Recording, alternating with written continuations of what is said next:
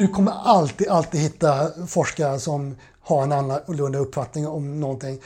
Och ska vi ha 20 000 forskare som säger en sak och så har vi en forskare som inte kan bevisa det här i någon studie utan har skrivit en åsikt i en insändare eller spelar in en blogg eller något sånt. Jag menar, ska den viktas lika mycket som 10 000 studier så jag menar, då kommer man ingenstans. Hej och väldigt välkommen till avsnitt 83 av Klimatpodden med mig Ragnhild Larsson. Här får du möta forskare, aktivister, författare, journalister, musiker och alla andra som på en mängd olika sätt engagerar sig i klimatkrisen. Dagens gäst är Mats Nilsson. Vi träffades i Stockholm i början av sommaren för att prata om hans nya bok Spelet om klimatet. Vem kan man lita på i klimatdebatten? I boken beskriver han hur välorganiserade krafter, framförallt oljeindustrin, sedan slutet av 1980-talet agerat för att få allmänheten, politiker och journalister att tvivla på klimatforskarnas slutsatser. Allt för att skydda sina ekonomiska och ideologiska intressen. Mats pluggade kemi på Lunds universitet och jobbade sedan inom läkemedelsindustrin i Södertälje, där han fortfarande jobbar, men nu på deltid, för att bland annat skriva böcker. 2011 debuterade han med boken Själseld i genren magisk realism. Och 2017 gav han ut boken Tvivel, en bok om faktaförvirring. Boken redogör för historien bakom flera klassiska miljöfrågor som klimathotet, surt regn och skogsdöden på 80-talet, DDT, ozonhålet samt alla de kemikalier som vi numera omger oss med. Frågor där vetenskapliga fakta ställs mot ekonomiska intressen, ideologiska ståndpunkter och känslor.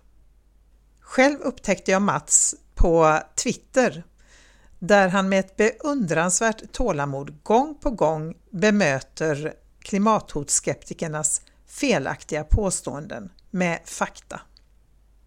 Mats driver också en blogg om klimatfrågor där han bland annat bemöter debattörer och forum som Elsa Widding, Lars Bern, SvebTV, Klimatupplysningen och Björn Lomborg. Klimatpodden är ju, som du säkert har märkt vid det här laget, helt reklamfri och fristående. Så om du gillar Klimatpodden och vill stötta arbetet med att göra den så går det väldigt bra att sätta in en valfri summa, stor eller liten, på Klimatpoddens eget Swish-konto. 123 396 2974. Och till alla er som valt att stötta podden sedan sist vill jag rikta ett stort varmt tack. Det är guld värt. Planen är också att starta ett Patreon-konto så att den som vill kan stötta Klimatpodden månadsvis.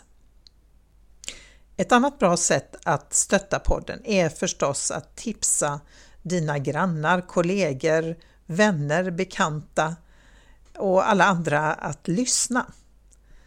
Och kom ihåg att höra av dig med synpunkter och förslag på vem du vill se som gäst i kommande avsnitt. Du kan skriva på Klimatpoddens Facebook-sida eller mejla mig på ragnhild.konvoj.se. Men nu är det dags att köra igång dagens avsnitt med Mats Nilsson. Varsågoda!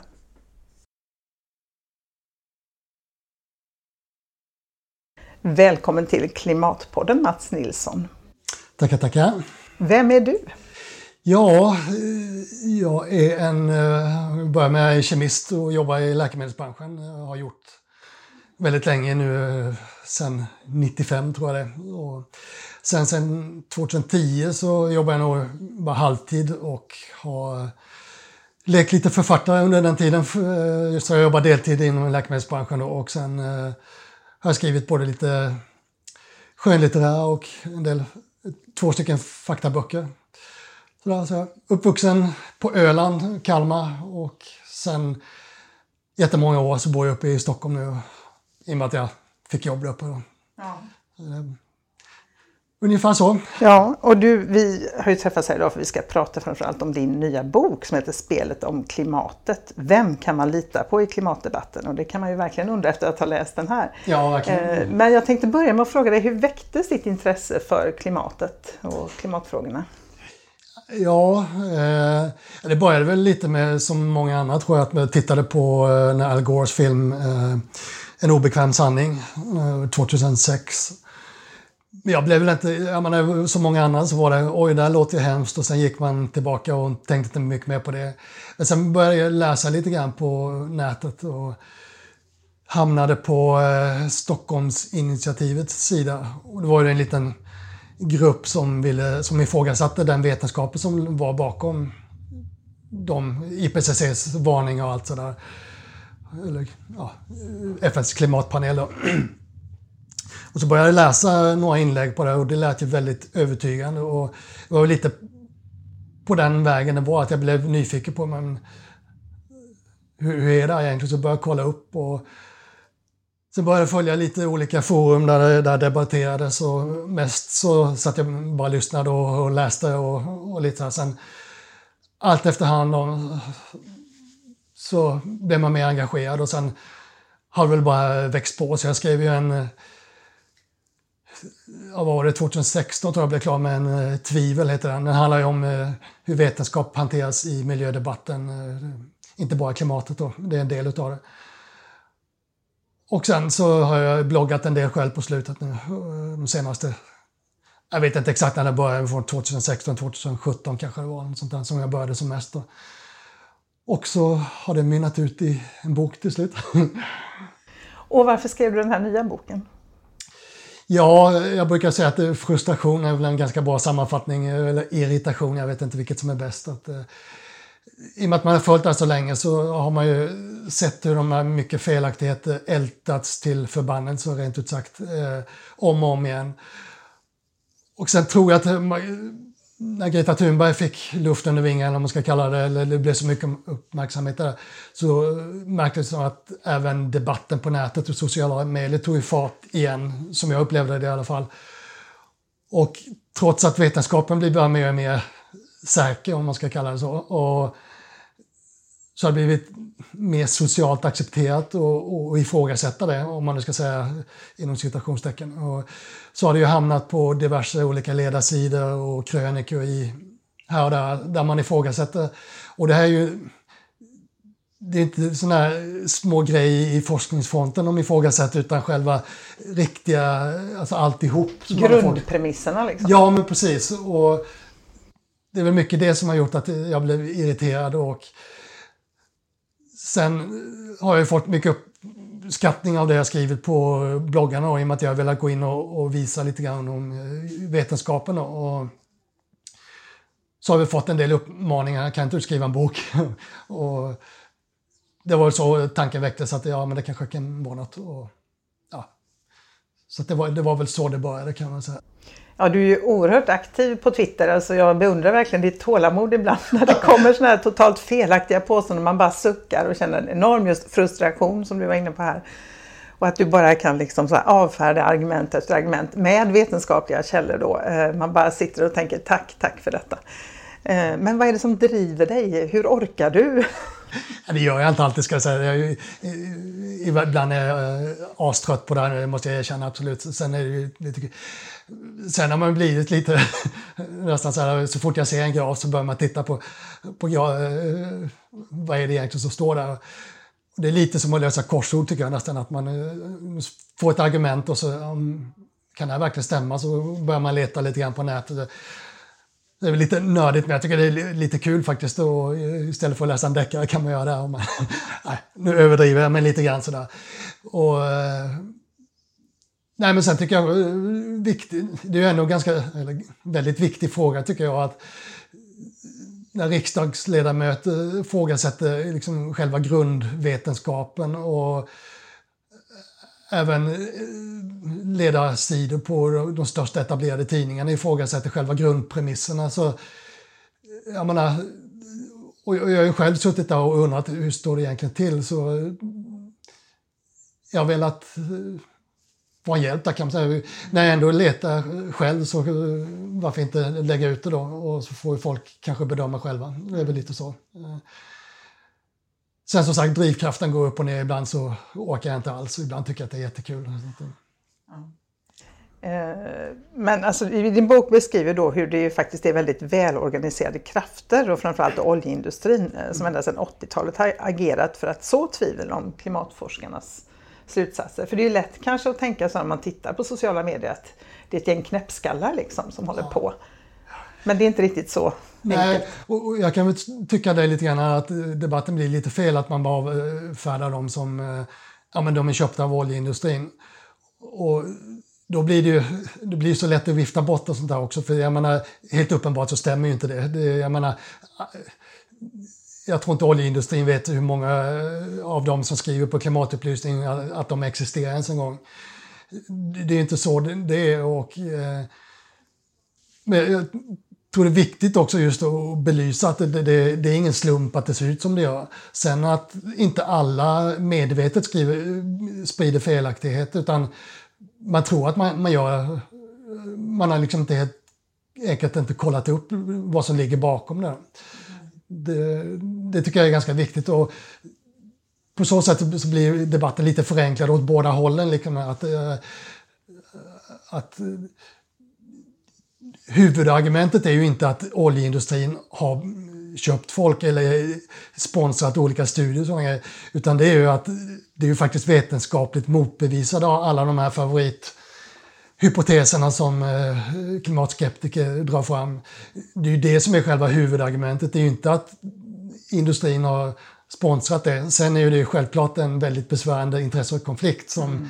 absolut ska belysas. Då. Men vilka är de vanligaste myterna som de här klimatskeptikerna driver? Eller för fram?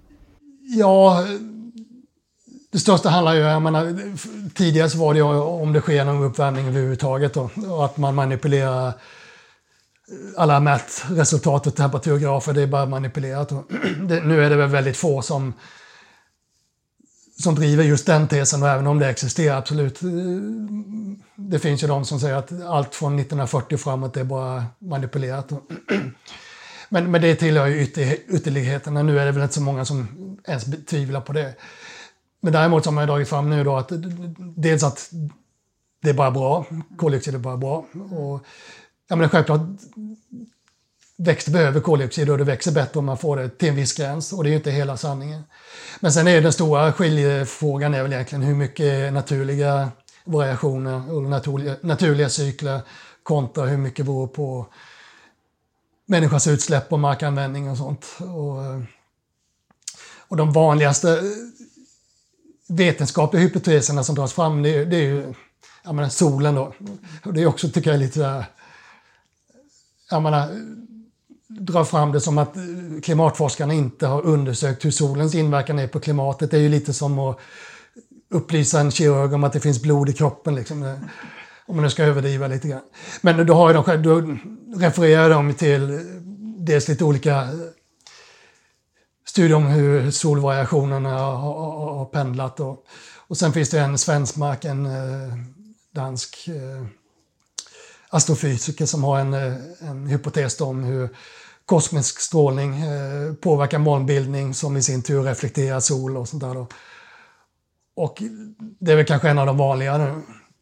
Men det är ju heller ingenting som har ignorerats av IPCC eller någonting. Det finns beskrivet där. Det är ju bara det att korrelationen finns ju inte där längre sedan jättelänge, flera decennier tillbaka.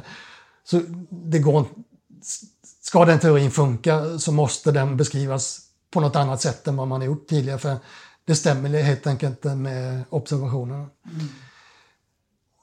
Men det, det, är väl oftast det som dras, dras fram, att det, det, är solen på ett eller annat sätt som, som är orsaken istället för att det är mänskliga utsläpp eller koldioxid som är felet. Då. Det. det. är väl de jag kommer på på rak arm. Sådär. Ja. Jag tänker dock, hur stort är problemet med rena vad ska jag säga, klimatförnekare? Du kallar dem ju i boken för klimathotsskeptiker. Ja, och det är väl egentligen det är ju ganska känsligt ordval så, där, så jag har väl avsiktligt valt att inte använda det eh, sen. Nej, men det har, det har väl Tidigare så, så var ju problemet större, ska jag väl säga. Att, nu har ju större delen av näringslivet har ju accepterat det, det som händer. Och, och så där, så det, det, är ändå trots allt bara en liten klick som helt avfärdar det här som att det inte finns några problem. Ja. Det, det, det, måste man erkänna. Att det, men det är väl snarare det större problemet nu är väl att nu har du, så här, många ifrågasätter om kommer det kosta någonting egentligen? Är det, är det värt att göra någonting åt saken? Det är väl lite där problemet som jag ser det ligger, och många med mig, att eh, man förringar problemets allvarlighetsgrad. Just det, och säga att det inte är så bråttom. Nej, precis. Vi, vi, kan ju vänta och se. Och det är väl det som är problemet är att eh, vi får ingen annan chans. Att, jag menar, koldioxiden ligger ju kvar i luften så pass länge. Och, så att, eh, det vi släpper ut nu, det får vi leva med ett, ett bra tag. Mm. Mm. Så, eh, nej men det, det, är väl det största problemet. Sen är det väl ett generellt problem tycker jag också, om man ser det på en annan synvinkel, just i själva debattklimatet i stort vad gäller vetenskap och hur, hur man använder vetenskap på ett väldigt felaktigt sätt. Att man, man bara tar med ut vissa valda delar och, och Just det, du visar ju boken flera gånger hur man kan använda liksom, eh, en del av en mening till och med. Ja. Och så utesluter man det som motbevisar ens ja. egen tes. Då. Ja. Och det, det, är ju så uppenbart att det, det, det, är helt med avsikt att man, man är ute efter att förvilla. Liksom, för det, det är inget sånt som görs av en slump. Däremot så de som sprider det vidare sen eh, gör det kanske inte medvetet. Nej. Och det är väl lite det som är det problemet. Och sen blir det här lite ett självspelande piano, då, att de här propageras vidare och vidare. Och det spelar ingen roll om man motbevisar en graf eller någonting så helt plötsligt så dagen efter så använder den här personen precis samma graf och tar inte åt sig överhuvudtaget att det är faktiskt motbevisat. Mm. Alltså vad är det stora problemet med att det sprids sån här desinformation då, skulle du säga? Spelar det någon roll liksom? Ja, men det tycker jag absolut. Om man sprider sånt här, att när det är rena felaktigheter så dels tar det udden av allvaret i frågan att eh, ja, men, om det nu inte det kommer orsaka särskilt stora problem eller inte kommer kosta någonting då, då kommer ju viljan att göra någonting åt saken bli betydligt mindre också. Eh, så är det. Och sen tycker jag rent generellt att om man tittar på vetenskapen i stort att sprider man sånt här det minskar ju tilltron till vetenskapen i sig. Jag menar, det har ju till att inom alla vetenskaper att eh, man ska inte lita på enstaka studier.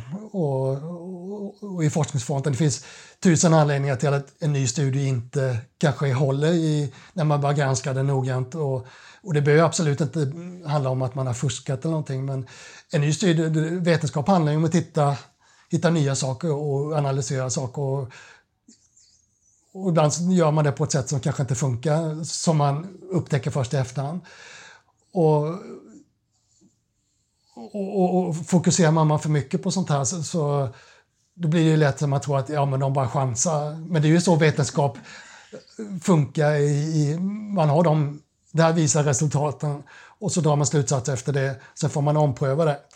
Men just vad det gäller klimatet här då så är det ju, det handlar ju inte om enstaka försök utan det är ju det är bekräftat om och om igen. Däremot är det de här skeptiska eh, artiklarna och studierna, det är de som inte någon har lyckats replikera. Och det är där man liksom...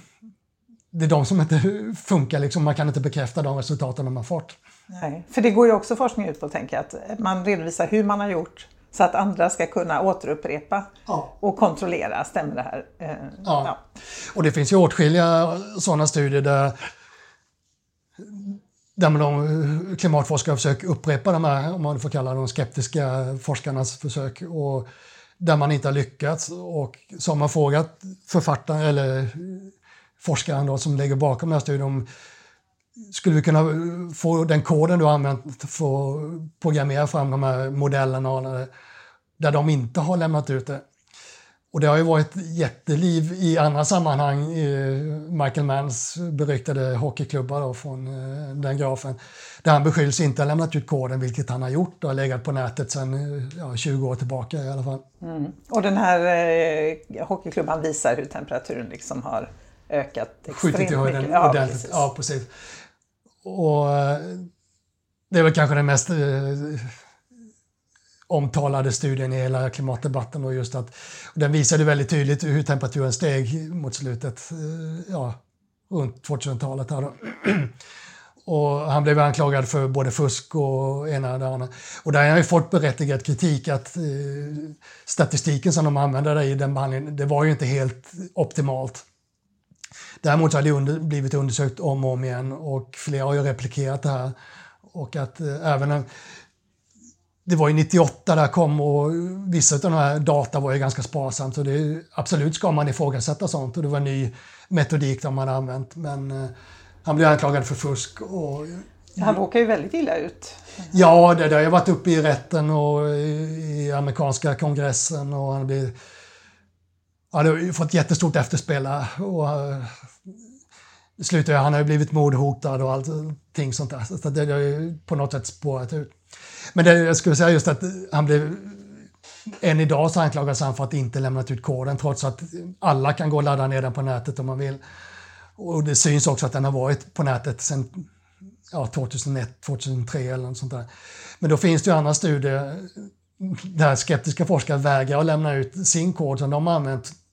Men det hörs ingenting om sånt. Det, det är ganska symptomatiskt för den här debatten tycker jag. Under arbetet med den här boken, vad har upprört dig mest? Eller det kanske är flera saker som upprört dig, men... Ja, men det, det, det är en naivitet, tycker jag. På, eh, och den här skiljelinjen mellan särintressen och eh, politiken, och styrande politiker. Det är väl lite... Jag visar ett exempel eh, hur en EU-parlamentariker då eh, startar och driver en tankesmedja. Och den var ju anknuten även till eh, vissa finansministrar och eh, chefen för eh, Europas investeringsbank, eller Europeiska investeringsbanken. Men trots det så vägrar man att lämna ut vilka som finansierar den verksamheten. Och då har man ändå anställt en av de kanske mest ökända konsulterna, Chris Horner, som var, har avlönats av diverse amerikanska lobbyorganisationer och under den tiden han jobbade där. Lite sånt där, så, sånt tycker jag är väldigt frustrerande och att det är så höjt i dunkelt. Och även i Sverige så har det ju, den här skiljelinjen känns väldigt dunkla och det är inte bara inom klimatdebatten utan inom många andra områden. Men, men sen är det väl också framförallt ledarsidor. Jag menar, deras uppgift är ju att sprida opinion, det säger ingenting om att de ska ju driva sina åsikter. Man kan absolut ha åsikter, man kan tycka att man inte ska åtgärda problemet överhuvudtaget. Men det får man ju tycka om man vill, men då ska man göra det utifrån den vetenskap som finns. Men det har ju varit väldigt tydligt att vissa ledarsidor har inte accepterat den kunskapen som finns utan man har köpt i princip allt som sprids på de här klimathotskeptiska medier helt okritiskt. Det är väl det som är mest frustrerande tycker jag. Eh, jag tycker att eh, i de här tiderna nu när det är så jättemycket fake news och sånt så jag tycker även de har ett ansvar och, eh, och kontrollera åtminstone de här grova grejerna. Att, de har ett väldigt ansvar där tycker jag för de har ju stor spridning på sina medier och så. Ja, ja, verkligen. Och, och som du säger så vore det ju en sak om man liksom... Det finns ju skiljelinjer ändå menar jag. Om vi säger att alla erkände, ja vi har en klimatkris. Mm. Men sen det finns det väldigt olika lösningar. Alltså Absolut. vad ska vi göra åt det? Mm. Och det är väl där man önskar att debatten fanns. Exakt. Inte om det är ett problem överhuvudtaget. Nej, men det då blir det liksom, helt fel. Liksom. Ja, det blir jättekonstigt. Och, och det är som vi sa tidigare, att då har man ju tror man inte att det finns något större problem, jag menar, det är självklart, då vill man ju inte heller offra särskilt mycket tid och kraft på att lösa om det inte finns något problem. Nej. Så det spelar ju väldigt stor roll. Men vad är orsaken tror du att en tidning som Svenska Dagbladet nu då nyligen hade in en, en ledartext av Lena Andersson där hon ifrågasatte just de här mest grundläggande sakerna. Nu blir det väldigt mycket fokus på att hon hade blandat ihop Fahrenheit och Celsius, ja. vilket hennes källa hade gjort. Hon byggde ju hela artikeln ja. på en källa. Och det tycker jag också var jättesynd att, hamn, att fokus hamnade ja. så mycket på den biten. Sånt fel hade jag säkert också kunnat göra, det tror jag. Eh, sen är det ju heller inget fel i de frågorna hon ställde där. Att, eh, jag vet inte hur eh, temperaturen har varierat under gångna tider. Och det är en självklar fråga att ställa. Mm. Däremot så blir det så konstigt att man utifrån det tar det som en stor eh, konspiration att ingen annan vet det heller. Liksom. Det, det språnget tycker jag är jättemärkligt. Och det var inte heller det att eh, det påstås eh, kritisera hur journalisterna har hanterat det här. Men det, uttryckligen var det sen att ja, miljörörelsen säger att det här bara beror på människan. Men det är ju, IPCC handlar ju inte om någon miljörörelse. Och i princip varenda akademisk institution världen över har ju aktivt skrivit att ja, vi accepterar de här, att det är en mänskligt driven uppvärmning som vi ser. Liksom. Det handlar ju inte om politik, liksom. det, det, är, det är vetenskap och det är ingen miljörörelse. Och, men jag tror att grunden i att ha tagit de här argumenten har tagit, etablerats och så, handlar ju mycket om att eh, man har kunnat anlita eh, akademiska eller trovärdiga, inom citationstecken tycker jag då, eh, folk med akademiska titlar som framför de här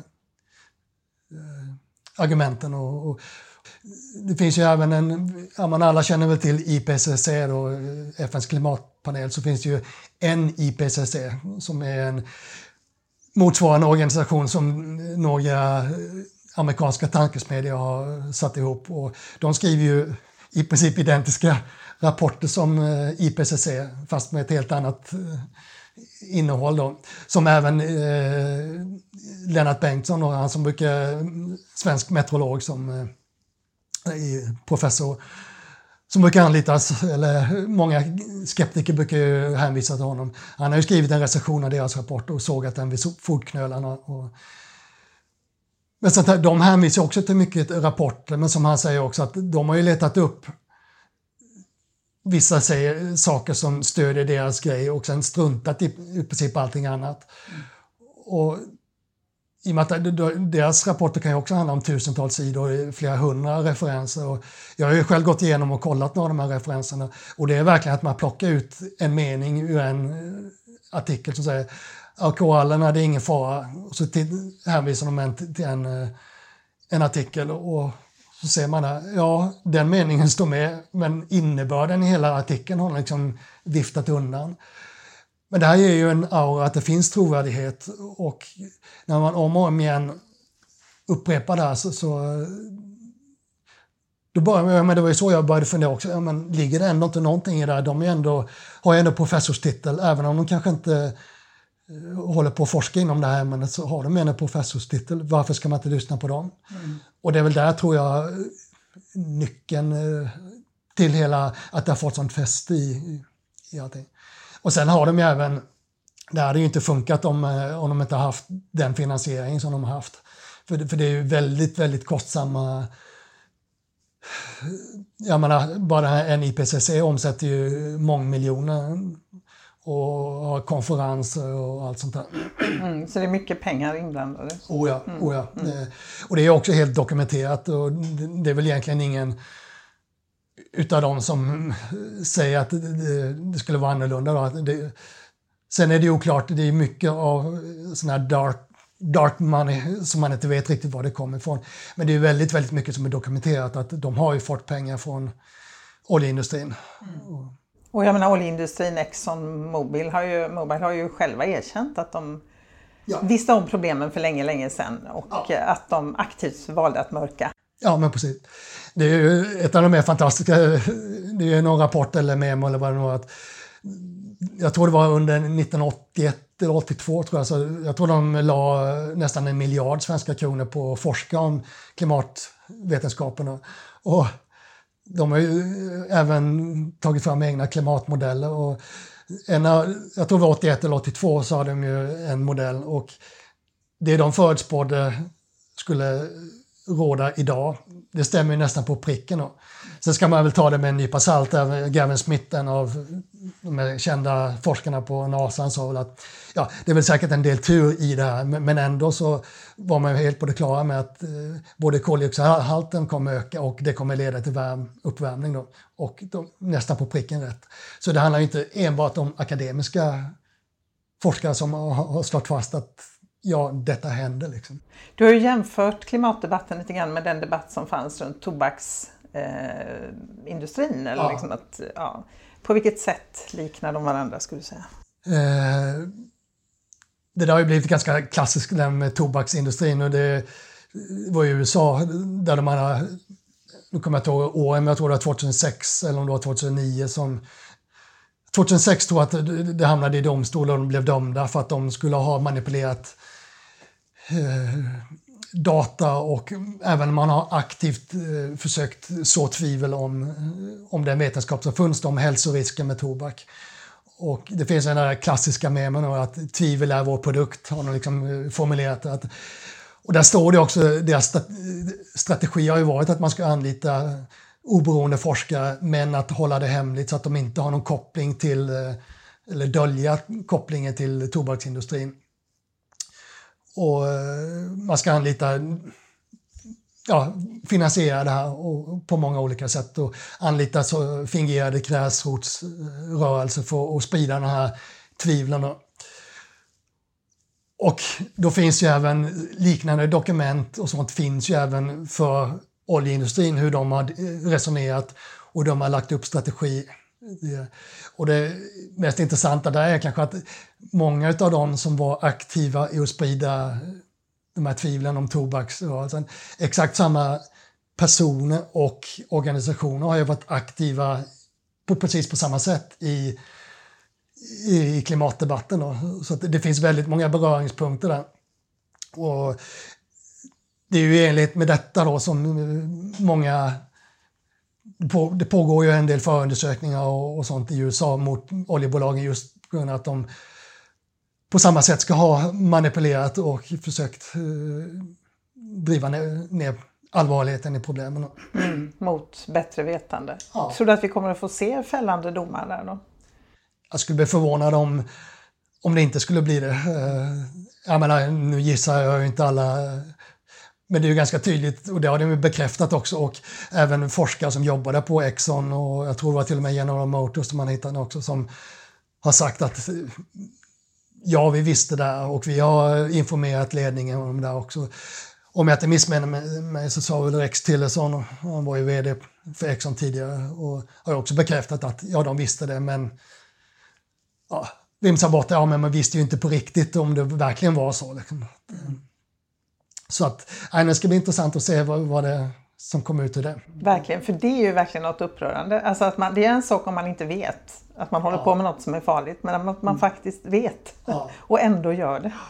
Och det här tycker jag också är intressant också man tittar på, jag jobbar ju själv i en ganska utskälld bransch, eh, läkemedels, just vad det gäller sådana där grejer. Och, och det så blir lätt att man bara drar en hel bransch över, över kanten. Eh, Eh, om man då tittar på olje, Exxon till exempel, la ju ner väldigt mycket forskning på det. Och det är ju visat också att de la ju ner väldigt mycket kraft på att försöka åtgärda och släppa ut så lite koldioxid som möjligt i några av sina processer. Och deras hållning till att börja med verkar ju ha varit att man skulle vi vill ha kunskap så vi kan sätta, när vi ska sitta vid förhandlingsborden så ska vi kunna vara med och bidra och bidra till lösningar på så sätt.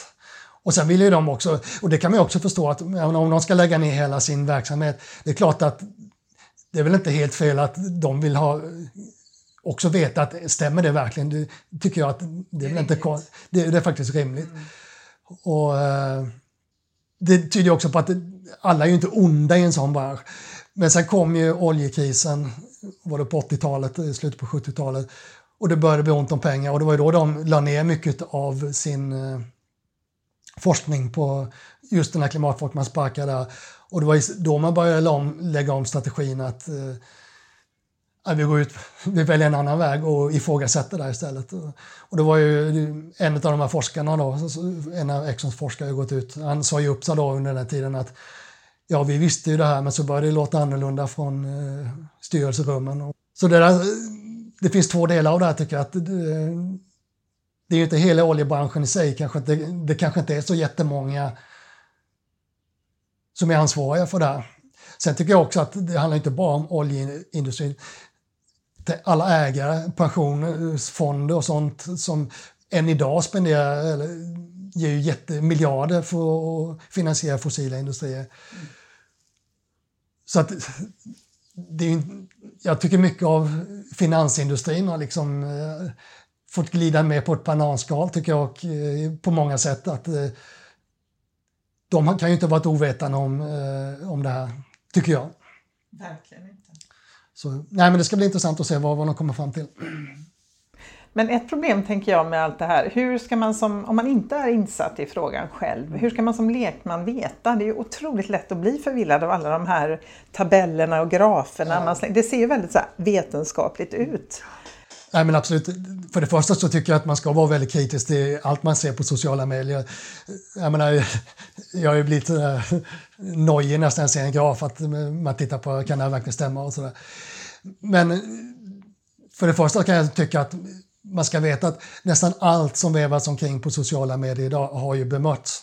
Nästan allt skulle jag säga. Och då pratar vi för mer än tio år sedan. Så att det minsta man kan göra är åtminstone göra en enkel googling och, och kolla vad säger det här. Och lika om man nu vet om man gör en bildsök så, så kommer man få upp eh, mer information om det här. Och sen tycker jag också att någonstans får man ju dra en slutsats, vem ska man lita på? Och det är, som, det är väldigt svårt men jag själv har gjort så många försök och verkligen lyssnat på. Jag har verkligen gått in och läst och, och så här. Någon gång så, det är så otroligt mycket inlägg om det här så att man kan inte kolla upp allting varje gång. Och någonstans, de har fått sin chans och, och sen tycker jag också att varför inte börja på de, mer, de officiella kanalerna och sen lyssna på dem och sen checka av med dem hela tiden. Att, eh, för, för någonstans så hamnar man ju långt ner i ett kaninhål om man inte, om man säger att man inte kan lita på experterna. Jag har ju själv fått, när jag har gått igenom, och så hänvisar jag till någon tio vetenskapliga studier som kommer fram till det. Så får jag ja men har du kollat rådata? Ja, men det är självklart att jag inte kan. Jag menar, har jag, du varit där och mätt själv? Ja, men lite på den nivån är det. Liksom, jag menar, då är man ju ute i, i tassemarkerna tycker jag. Att, mm ska man bara godkänna den vetenskap som man själv kan, jag menar, då skulle vi hålla på med röksignaler än idag. Liksom. Om man ska hårdra det. Sen innebär inte det att man måste lita på allt varenda forskare säger i en debattartikel. Och det har man sett, eh, inte minst nu under pandemin, att eh, även forskare levererar åsikter som inte har eh, stöd i, i vetenskapen. Och det är därför tycker jag som det är så viktigt med IPCCs sammanställningar. Även eh, Världsmeteorologiska organisationen och en rad andra organisationer sammanställer det årligen. Mm.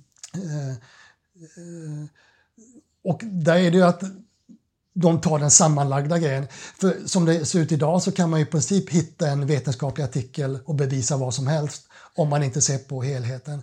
För som lekman så kan man sällan bedöma hur bra en artikel är, en studie är. Och det finns så mycket olika oseriösa tidskrifter idag också som det ser ut som att det kan vara en, eh, en seriös artikel men så tittar man bara på det här, ja men herregud, det hade ju inte dugt som en uh, gymnasieuppsats. Liksom. Och, och det där, det ska, man ska inte vara naiv när man letar vetenskapliga fakta, Nej. tyvärr. IPCC har ju också, jag menar de är ju en stor måltavla för väldigt mycket kritik bland de här eh, skeptikerna då. Mm. Man säger att de är politiskt styrda och sådär. Mm. Men eh, det är ju en enorm, eh, enormt arbete som ligger bakom, eller hur? Absolut. Ja, det ska man ju veta att det, det är ju det är otroligt många forskare som är inblandade och eh, nästan vem som helst har kunnat vara med och remissläst de här eh, rundorna och alla kommentarer och svar blir offentligt eh, publicerade efter, efter det är klart. Då. Sen kan man ju dra det här hur långt som helst att eh, ja, det är ju, länderna utser, nominerar ju forskare till som ska vara med och skriva där. Och de måste ju någonstans, alla kan ju inte vara med och skriva, liksom. någonstans måste man ju sålla. Och, men, jag vet inte någon annan vetenskaplig fält där det har gör, gjorts görs ett sånt grundligt arbete och där är så många forskare inblandade och så många studier inblandade. Jag menar, sist bara den fysikaliska delen av IPCC-rapporten senast var väl uppåt 10 000 vetenskapliga rapporter de hade granskat som ingick i de här. Och, eh, jag menar, det ges ut tiotusentals artiklar varje år, vetenskapliga artiklar, så att det krävs ju att men inte ens vetenskap, de som forskar om det här har ju koll på alla artiklar som publiceras. För jag menar klimatvetenskap handlar om så många olika områden. Så det måste ju göras regelbundna sammanfattningar om vad det är man har kommit fram till och vilka slutsatser kan man dra av det här. Mm. Och tittar man i IPCC-rapporten så står det också vad, vad kan man vara säker på och vad är man mindre säker på. Eh, och tyvärr så utnyttjas det här också, det får man ju säga också av, av båda sidor, eh, tyvärr. Att, eh, jag kan ju tycka ibland att eh, det är väldigt irriterande att eh, vissa alarmister, om man nu får kalla dem så, att, eh, att man drar till med vissa katastrofscenarier som det här har faktiskt inte helt stöd i. i och det har ju blivit vanligt nu också. Eh, IPCC har ju man har ju olika scenarier då för, för att projicera hur det kommer bli i framtiden, hur, hur det ser ut med, med utsläppen. Då. Och det här worst case-scenariot var ju länge, det var ju på den linjen vi gick då fram till åtminstone var det 2014, 2015. Eh, och då var ju det business as usual som man kallar det då. Men tack och lov så har det hänt ganska mycket, framförallt då kolanvändningen, även om Kina har de etablerar mycket så har det ju hänt väldigt mycket där tack och lov. Så att vi följer inte den linjen än. Det brukar kallas RCP 8,5 då det scenariot. Och tyvärr är det fortfarande än idag att även forskare som hänvisar till det här som business as usual, vilket det kanske inte är. Och så redovisar man enbart det här scenariot, vilket jag också tycker blir lite fel, att det blir lite missvisande. Sen kan det finnas många anledningar att man vill redovisa det här och eh, och att absolut att man inte ska ha, eh, att man ska ignorera det. Men, men så kan man också titta att den som klagar mest på det här är en Roger Pjelke junior, heter han, tror jag. Eh, han är ju jättekritisk till det här och utnyttjar det här väldigt mycket. Men det roliga är att han var ju en av de som var mest kritiska till IPCCs modeller fram till 2015 så skrev han en artikel om att eh, eh IPCCs modeller är för optimistiska. Han var ju mer alarmistisk än IPCC. Så att eh, många tar tillfället i akt och utnyttjar det här för att klanka ner på klimatforskare att de är bara alarmistiska. Mm. För att de här scenarierna har absolut varit aktuella. Och tittar man på isavsmältningen och så, så där ligger vi på värsta scenariet. Så att, men det handlar väl, tänker jag, om att vara tydlig då med vad är värsta scenariot? Det här är värsta scenariot. Ja. Det måste inte bli så. Men det kan också, alltså att man beskriver hela skalan liksom av, ja, om vi, om, vi, eh, om vi agerar nu så kan det bli så här. Men, om vi, men, men jag tänker också, vad, vad är problemet om man, man håller på att överdriva för mycket? Mm. Alltså om de som faktiskt är då, så säga, engagerade i klimatfrågan och ändå... Eh, ja, problemet blir ju att man ger ammunition till de som kallar det för alarmism. Mm. Jag förstår att man vill sätta, ja, nu, har vi, nu ska vi minska utsläppen till år 2030 och, och jag vet, det är något klassiskt uttalande från, någon, eh, från FN, nu kommer jag inte ihåg det, 80 eller 90-talet som sa att ja, nu har vi tio år på oss innan det är kört. Liksom. Och det var ju ingen forskare som sa det utan uttalat så att och nu tio år senare så säger ja men det gick inte att fan åt helsikotta nu. Och då drar man fram det här, men titta det är bara alarmism. Det, det, är lite den risken man hamnar i när man överdriver lite grann. Och, man tappar i trovärdighet ja. helt enkelt. Men sen tycker jag å andra sidan också att eh, bara man hänvisar till IPCC så blir man kallad alarmism och tycker att allt är bara överdriven eh, katastroflarm och sånt. Men bara titta på de ekonomiska katastroflarm som har varit i alla miljöfrågor hittills. Eh, jag nämner det i boken eh, om blytillsats i bensin, freontillverkningen, svavelutsläppen. Det har varit exakt samma argument där. Det tycker jag vore intressant om man kunde sammanställa eh, dem. att Det verkar som man kan påstå vad som helst. Eh, när kemikalielagstiftningen REACH skulle introduceras så då var ju då skulle ju hela Tysklands stora kemikalieindustri bara braka ihop och miljoner skulle förlora sitt jobb. Den typen av alarmism, det får passera helt förbi. Men, men, men det är ju ett problem att man, man, man argumentera mot ytterligheterna och, och det blir så lätt att eh, driva fokus på fel saker då tycker jag. Att, eh. men sen tycker jag också, historien har ju visat att eh, jag menar, hur många, vad är det, 30 år som forskarna faktiskt har sagt så här ligger det till. Vi måste få ner utsläppen och det har ju i princip inte hänt någonting vad det gäller utsläppen, det har ju bara ökat. Nu har det väl minskat i vissa i-länder, eh, men på totalt sett så har det ju bara ökat. Och, och, eh, någon gång så måste man väl fanken få, få rätt och bli irriterad och, och kanske ta till överord ibland om det ska hända någonting. Eh, och det är också en intressant fråga tycker jag. att eh, varför ska det, man behöva ta till de här överorden för att det ska hända saker? Mm. Ja, man anar en viss desperation bakom alltså, och frustration och man har hållit ja. på väldigt länge med frågan och upplever mm. att ingen lyssnar. Ja men absolut. Så till slut så, ja, mm. då hamnar man ju där. Ja, men, men det, det, det är lätt hänt. Ja, ja, men absolut. Mm. Jag undrar, har du någon, någon gång lyckats eh, övertala någon, alltså någon som kanske inte är total klimatförnekare men ändå sådär, alltså lite så här fundersam, jag undrar, stämmer det här verkligen? Eh, alltså i någon argumentation eller där du liksom har visat med fakta att men det här stämmer ju inte, det du påstår nu. Kanske inte direkt sådär att någon har varit, som du säger, klimathotskeptiker på riktigt om man säger att så har man ju inte... Jaha, men är det så? Jag har inga illusioner och ambitioner att jag har varit med för länge att det, omvända någon sån och jag menar omvända avsiktligt med det ordet för det är nästan det det handlar om. Men däremot så har jag väldigt många som har hört av sig och tycker att som har, ja men hur står det egentligen till? Man, man funderat på, precis som jag gjorde, att eh, det är ju trots allt professorer som säger det. Och eh, så, eh, jättebra för att höra att det faktiskt ligger ganska mycket vetenskap bakom och inte bara lösa spekulationer från alarmism inom eh, citationstecken. Så det har vi fått ganska mycket respons på. Men jag har nog inget exempel på där jag kan säga att jag har omvänt någon, tyvärr.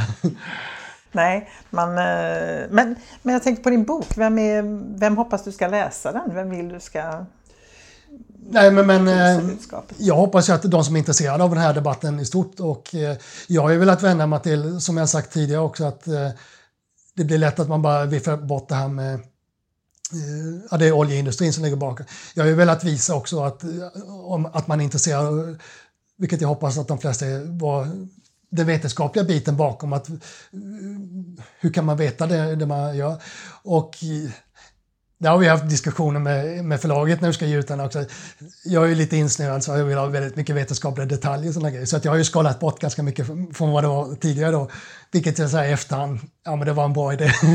så, att, så, så jag har ju velat rikta mig till att de som är intresserade av klimatfrågan i sig och hur debatten har gått framöver. Och sen tycker jag också att den som är intresserad av samhällsdebatten i stort, att, för det här, det här handlar ju om klimatdebatten men hur vetenskap används i, i samhällsdebatten kan man ju applicera på många andra sätt. Och framförallt så ska man, folk som, man börjar tänka lite själv också att eh, man blir kritiskt tänkande på rätt sätt. Jag menar att vara skeptisk lagd handlar inte bara om att vara emot allt bara för att det råder konsensus, om man nu får använda det ordet utan att bli utskälld. Så, eh, så innebär inte det att, automatiskt att man är emot allting som etablissemanget är emot. Liksom. Så, så det är absolut inte riktat mot någon som har massa förkunskaper och, och sånt. Nej. Ja, du tar ju upp det här i boken också om hur eh, alltså gränsdragningen mot politiken och hur nära sammankopplad eh, liksom, näringslivet är med politiken och sådär. Hur ser det ut? Är, kan du ge något exempel på det? När det gäller den här frågan? Ja, eh, det, jag, jag så, nämnde väl det tidigare kanske, men var Gunnar Hökmark till exempel, han eh, var var EU-parlamentariker i eh, början på 2000-talet. Och, eh, var även ordförande i EPP, heter de, en av de största politiska grupperna inom EU-parlamentet. han bildade ju en, en eh, tankesmedja, eh, European Enterprise Institute heter de. Och, och då bjöd in Chris Horner från eh, Competitive Enterprise Institute och skulle hjälpa dem med de här miljöfrågorna och så. Och då finns det en organisation som undersöker det här då, Corporate Ops... Ah, jag, jag kommer det är väldigt många ja, namn på olika organisationer ja. och så i boken. Ja. Men de, de eh, vill ju veta vilka som finansierar den här verksamheten då, vilket jag tycker att det borde vara självklart. Att, och de frågade två år på följd, men de fick inget svar. De vägrade ge ut det. Att, det tycker jag är jättemärkligt. Liksom, att, då undrar man liksom, vilka intressen är det partiet som de föredrar, eh, intressen som han prata om eller är det några särintressen? Och tittar man på många av de debattinläggen som publicerades runt vad ska jag säga, mellan 2006 och 2010, 2011 så nästan alla de debattinlägg som om man googlar lite grann från, i Aftonbladet och, och sådär så det är ju från Timbro och, och många av de tankesmedjorna. Eh, en av eh, de som... Eh, Kaptus var en av de här som skrev vissa inlägg och, eh, och där skrev att ja, det är nog inte människan som är orsak till, till de här. Han gick ju och blev pressekreterare för Centern till eller Centerpartiet eh, direkt. Och då bör man ju också fundera på hur stor roll har det här spelat? Jag har ingen aning, jag, jag, jag vet faktiskt inte. Och, men när det är så när man inte själv har en aning om hur det där spelet ser ut bakom. Och i Sverige har vi i princip ingen koll på vilka som finansierar någonting, känns det som. Och det där tycker jag, jag tycker det känns lite olustigt. Och sen vet jag inte om det hade hjälpt när man har kollat USA, även om de har redovisat de vilka de har fått pengar ifrån. Ja, så, mm. Men då vet man ju ändå, då har man ju som väljare åtminstone en chans att veta vad det är som för sig går, tycker jag. Mm. Just de där grejerna. Sen tycker jag också att det, det är förstås att det är svårt som politiker.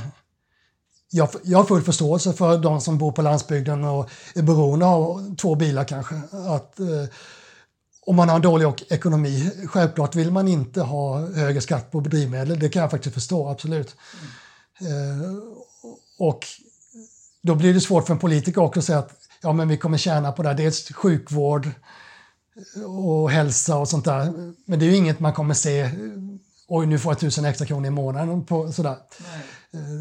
Det, det, det, tycker jag, den realpolitiken får man också ha i bakhuvudet. Att det behöver inte politiker hamnar också i en svår sits ibland kan jag tycka. Att det, handlar inte, det är inte helt lätt för oljeindustrin och allting det där. Det är ju inkorporerat i princip varenda del i hela samhället. Det, det ska man ju vara medveten om. Vad menar du inkorporerat i hela samhället? Om man tittar på läkemedelsbranschen, där, eh, vi skulle inte kunna tillverka ett läkemedel säga, utan kemikalier från äh, oljeindustrin, mm. plaster, äh, alla friluftskläder och sånt där. Ja, ja, det går inte att leva kan man säga nästan utan att vara, vi är ju intrasslade ja. i den fossila ja. ekonomin. Ja. Och alla investeringar som har gjorts i de här. Så att man ska veta att det, det är svårt. Mm. Den delen tror jag också man ska ha i bakhuvudet. Att, man ska få vara realist att det, det går inte att bara vända med en hand. Sådär, och, att det, och därför, i och med att det är så svårt, så därför är det desto viktigare tycker jag det är att eh, politiken, polit, politiken står för sig, att det verkligen finns skiljelinjer där. Det, det, tycker jag att det är väldigt viktigt att, att man kan lita på som eh, väljare. Och jag känner idag att så är, jag, jag tycker inte att det är så idag. Och då pratar jag om många andra branscher också. Att, eh, hur står det egentligen till? Jag frågar mig det många gånger. Mm, verkligen. Ja, och att man är ärlig tänker jag med svårigheterna också. Alltså dels att man är, eh, pratar klarspråk om klimatkrisen och att man är ärlig med svårigheterna. Vi står ja. inför enorma utmaningar. Så att man, för nu blir det som att ja, ja, men det är inga problem, vi löser det här. Eh, och det precis. blir ju helt orealistiskt. Ja, nej, men precis. Vem, ska, vem kan tro på det? Liksom? Ja. Nej, men då, då är man inte realistisk heller. Liksom, att det, det, det vinner ju ingen på i längden.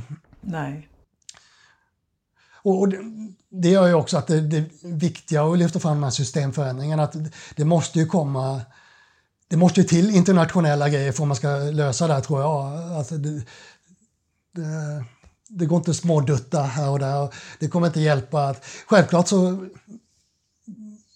man som person kan man göra ganska mycket själv, absolut. Och man behöver inte hålla på och pendla till London varje helg. Liksom. Det känns lite onödigt. Ja, nej, men jag kan också tycka det. Vissa känns det som att man gör det bara på pin liksom. Det känns som eh, småbarn som är ibland att eh, nu ska jag göra det här bara för att, bara därför att. Mm, för att jag kan. Mm. Ja, men lite så. Mm. Alltså du skriver om det här i boken också, att det har blivit mer eh, accepterat i Sverige att, eh, att anse att klimathotet bara är alarmism. Mm. Samtidigt som allt fler faktiskt accepterar IPCCs slutsatser och Greta Thunberg har gjort allt fler medvetna och sådär. Mm. Hur kan det komma sig?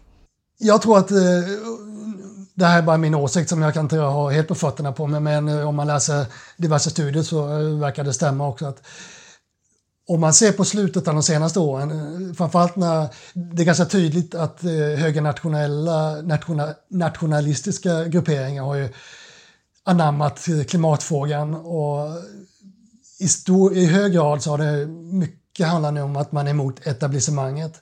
Jag har en känsla av att många av de som är mest emot nu på nätet kanske inte bryr sig så jättemycket om klimatfrågan i sig utan man, man är emot etablissemanget.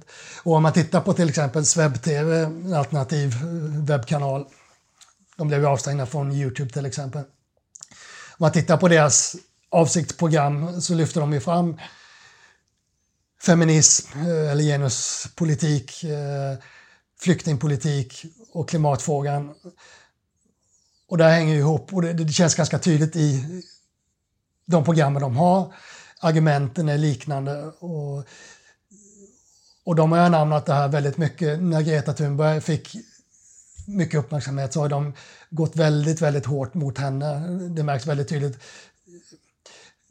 Det är ju vissa av de här programmen de lyfter fram. Ja, nu har man lyft fram Greta som eh, att det blir en religion och hon ska vara en frälsare. Nästan äckliga argument tycker jag. Att det är så fruktansvärt ohederligt.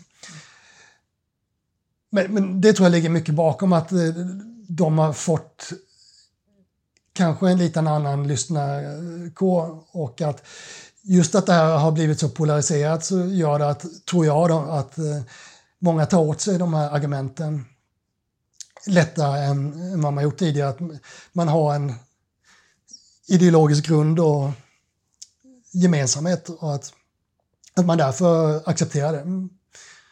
Skulle jag tro. Det, det, det finns säkert många, massa olika anledningar. Och, och, och, men det har en tendens att bli sån här självförstärkande spiral, alla de här typerna av frågorna.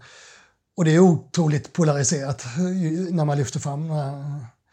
Sen ska man ha klart för sig, tycker jag, att även om det känns att det är, man har hela nätet emot sig så är det ju ändå trots allt ganska få personer det handlar om. Mm. De är ju, ganska högljudda och ja, lite otrevliga ofta. Ja. Om man tittar på Rosa Tegnér som har gett ut min bok, då, när de la ut det här på sin Facebook-sida och notis om min bok. Då. Jag tror det stannade på strax under 800 kommentarer. Det, det bara fortsatte liksom. Och, och tittar man på de andra böckerna så där är det mer normalt med respons och glada tillrop och sånt där det här var liksom, det, det tar aldrig slut. Liksom. Men vad är det som väcker denna otroliga, vad ska man säga, ja, det väcker ju hat märker man ja. ju ibland i vissa inlägg. Jag önskar att jag hade svar på det, men, men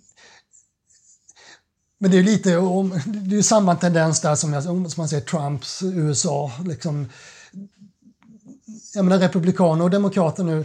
Tidigare så hade de ju mycket sådana här bipartisan eller vad kallar man det på svenska, eh, bilaterala, man kom överens mycket mer. Men nu känns det som att allting bara det bara clashar alltihop och det är nästan oavsett vad det är för fråga. Att, eh, och det, det känns som det har blivit väldigt mycket så att eh, man, det har blivit, man vinner röster på att ha en fiende liksom och, och man bygger en fiende och, och vinner på det. Mm. Skulle jag tro. Mm. Men det är ju, och, och sen kommer ju hela den här grejen med filterbubblor och hur saker och ting sprids på nätet och, och sådär. som jag har absolut ingen lösning på hur man ska, och det där kommer ju säkert bara bli värre med det man kallar deepfake och man kan eh, spela in hur det ser ut som folk säger, vad som helst och sånt där. Ja, verkligen. Men, men, det är väldigt konstiga tider tänker jag, för på ett sätt har vi aldrig haft tillgång till så mycket kunskap som vi har nu och samtidigt sprids det så mycket desinformation ja. och fake news. Absolut. Jag kommer ihåg när jag gjorde mitt exjobb, då satt man och kopierade vetenskapliga studier i en tidskrift och man stämplade ihop och hade de där, en höga med papper som då de studierna kommer ju liksom inte längre än så nästan. Eh, nu för tiden så kan ju gemene man, nu kan man ju ladda ner data från NASAs mätningar nästan real life eller i real time. Och alla de artiklarna, nu ligger väldigt mycket bakom eh, betalvägg men ändå, man kan läsa sammanfattningar och sånt där. Och det är ju också, det är på gott och ont, för nu kan man hänvisa till en studie och sen väldigt få kollar ju upp studierna man hänvisar till. Jag har gett några exempel där att eh, de hänvisar till en massa studier men sen när man går och tittar till studien så, så, så stödjer inte den studien egentligen det de säger. Och det är också gör att det blivit mycket, mycket svårare att eh, veta vem man ska lita på. Mm. Men gör inte det de här forskarna då som liksom blir felciterade, blir inte de eh, galna? Jo, absolut. Av att användas liksom i det här syftet? Ja, men absolut. I det här sammanhanget så är en eh, statsvetare, eller Lomborg, Björn Lomborg, eh, eh, han, är ju, han gav ut en bok som han kallar Skeptical Environment, Environmentalist 2001. Och det har nog aldrig varit så mycket liv om en bok skulle jag tro. Att den har fått väldigt, väldigt mycket stryk från ja, både ekonomer och eh, naturvetenskapliga forskare. Och just på det, det som du säger då, att eh, han plockar ut data, han stödjer sig på data och drar slutsatser av det som han egentligen inte kan, enligt de som har gjort själva studien. Och, och det har också blivit grann, den hyllades ju väldigt mycket på, eh, i Wall Street Journal, The Economist och på den sidan. Och på naturvetarsidan och även många ekonomer ska jag lägga till och såga den vid fotknölarna. det är ju också väldigt svårt att eh, vissa delar av samhället sprider den här informationen som en sanning medan andra säger att det inte är en sanning. Och då hamnar man igen där att vem ska man tro på? Mm. Så, ja, det, det, är väldigt komplicerat hela den här frågan och jag tror att någonstans måste man väl börja på, det är väl lite det jag vill att, att någonstans måste man eh, ha tillgänglig data. Där, en grundpelare, där säger forskarna, och därför tror jag IPCC är så väldigt, väldigt viktigt att eh, man har det som en grundpelare också, utgå ifrån. Och det här kan vi liksom sluta diskutera, det här är nu fastlagt liksom. Annars blir det lite som att prata om jorden är platt. Ja, det men lite som man kommer inte vidare. Nej. Jag menar, man kan, du kommer alltid, alltid hitta forskare som har en annorlunda uppfattning om någonting. Och ska vi ha 20 000 forskare som säger en sak och så har vi en forskare som inte kan bevisa det här i någon studie utan har skrivit en åsikt i en insändare eller spelar in en blogg eller något sånt. Jag menar, ska den viktas lika mycket som 10 000 studier så jag menar, då kommer man ingenstans. Jag, menar, jag skriver det i boken flera gånger att eh, det finns ett upprop om evolutionsteorin eh, som jag tror de har tusen namnutskrifter från akademiker. Är det någonting vi också ska börja ifrågasätta? Det är klart att man kan ifrågasätta vissa aspekter av den och den vetenskapliga diskussionen förs. Men där handlar det om själva premissen, eh, grundpremisserna. Och någonstans måste man ta, ta, ta vidare. Och jag, jag, tycker vissa delar av det här går också att föra över på antivax, antivaccindebatten. Mm. Absolut. Och det hänger ju ofta ihop. Jag menar, de som är vaccinationsmotståndare är ofta klimatskeptiker och så ja. vidare. Alltså man hamnar i den här konspirationsteorierna då till slut. Ja, men absolut. Så jag tror att man ska vara viktig när man gör sådana att man inte ska dra alla klimatskeptiker över, över den kammen för då, då kommer man få kritik för det på, på, på rätt sätt. För, för alla är ju absolut inte så. Men jag tycker absolut att du har rätt i den kommentaren. För att tittar man på News Voice till exempel så är det ju den typen av ifrågasättande finns ju där. Mm. Det, är ju väldigt, jag menar, det, det, vet jag själv ibland att man, man kanske inte alltid är saklig i sina...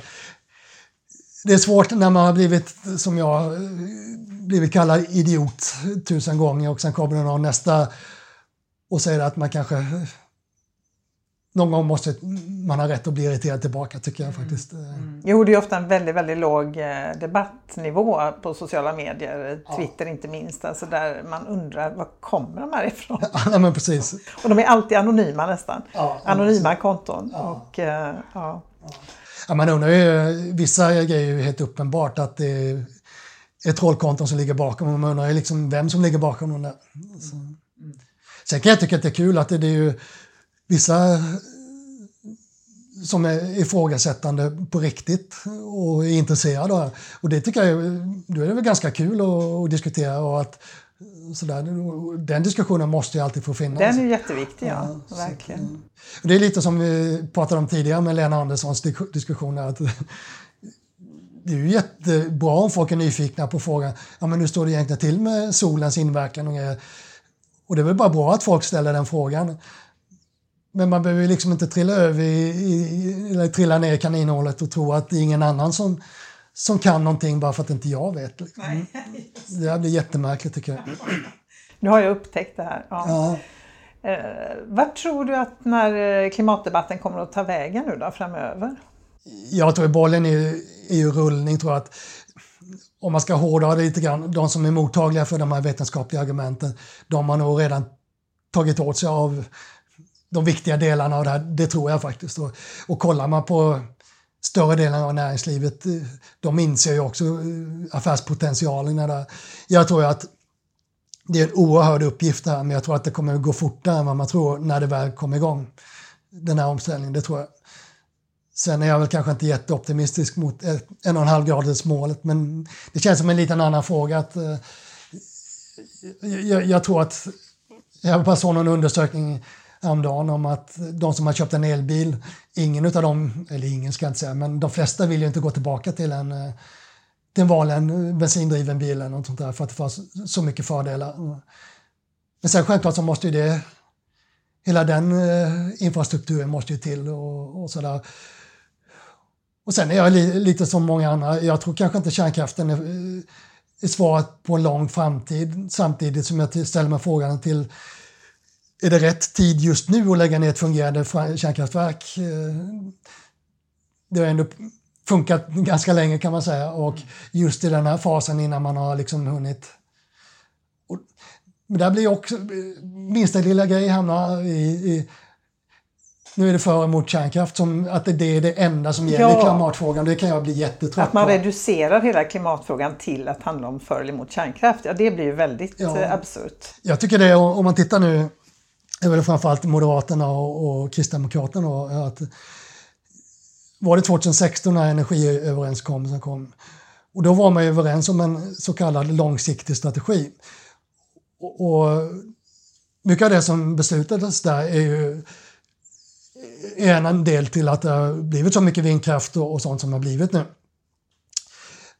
Men sen var det, det är bara ett par år sedan nu så kom man, nej men nu ska vi ha kärnkraften, vi ska inte lägga ner kärnkraften. Och, och, och, det kan man ju absolut tycka.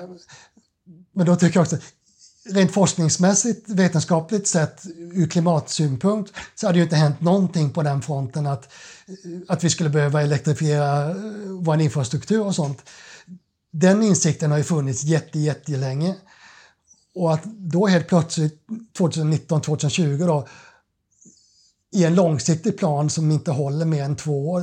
Jag tycker det säger lite grann om hur politiken ligger i det här att eh, har man, har man, tänkte man inte längre än så vid en långsiktig plan 2016 att för ingen kan vara omedveten om den här problematiken 2016 om man sitter i, i nationella politiken. Då är man inte seriös tycker jag. Nej, verkligen inte. Mm. Och det är likadant som det här med att man 2016, eh, tror jag det var, Vattenfall tar ett beslut att bygga ett nytt kolkraftverk. Liksom. Det är också helt barockt tycker jag. Att, eh, ett statligt ägt eh, företag.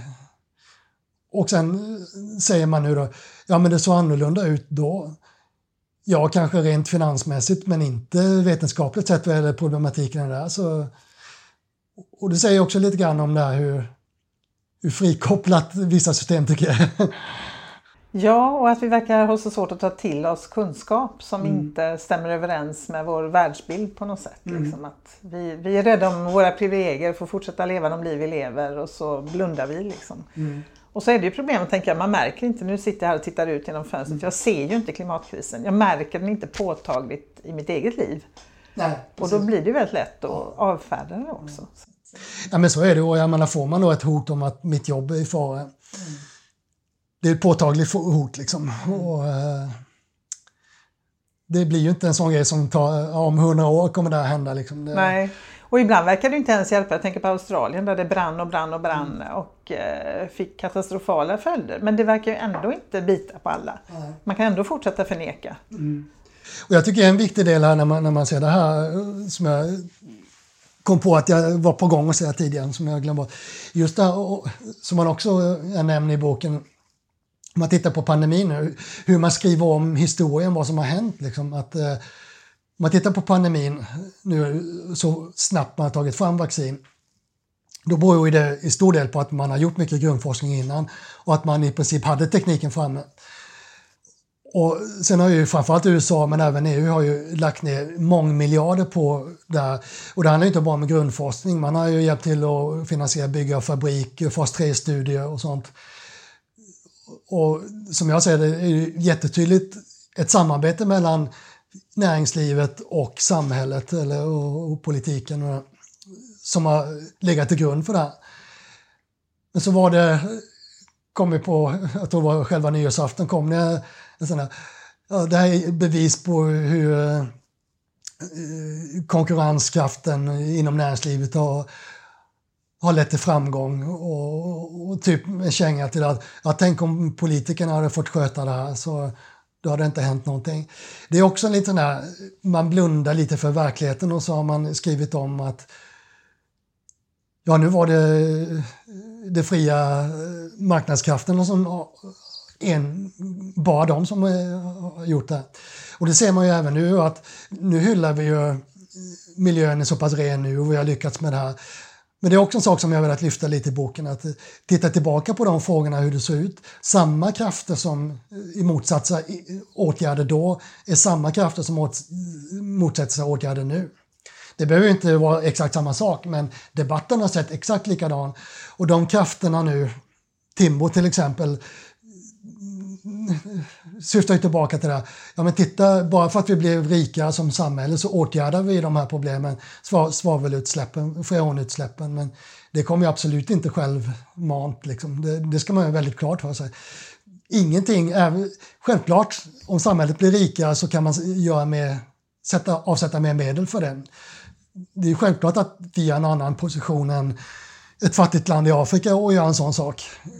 Men eh, det har ju aldrig varit så att vi har haft, nu är vi så pass rika, ja men nu väljer vi att åtgärda utsläpp. Självklart finns det sådana exempel också, men inte om man ska ta de stora frågorna så har det i princip aldrig varit så. Och det behövs ett tryck underifrån, någon som efterfrågar ja. en förändring. Liksom. Det tycker jag är lite intressant om man tittar på Greta Thunberg. Hon är väl en eh, jättebra symbol för den fria marknadskraften tycker jag. Finns det någon som, jag tror inte Timbro, eh, om man nu får vara lite elak, har gjort så mycket för att skapa nya affärsmöjligheter för företag än, än vad Greta Thunberg har gjort. Det är ju jätteaffärsmöjligheter som ligger här. Om man nu ska vara lite elak. I omställningen menar du? Ja, men precis. Ja, ja. Så att, eh, det är bara att eh, det är vilken del av näringslivet man vill gynna. Mm. Stort tack Mats Nilsson för att jag fått sitta här och prata med dig. Mm. Och stort tack för din bok som jag hoppas många läser. Väldigt ja, intressant. Tack så mycket, jättekul att vara här. Kul att jag fick komma.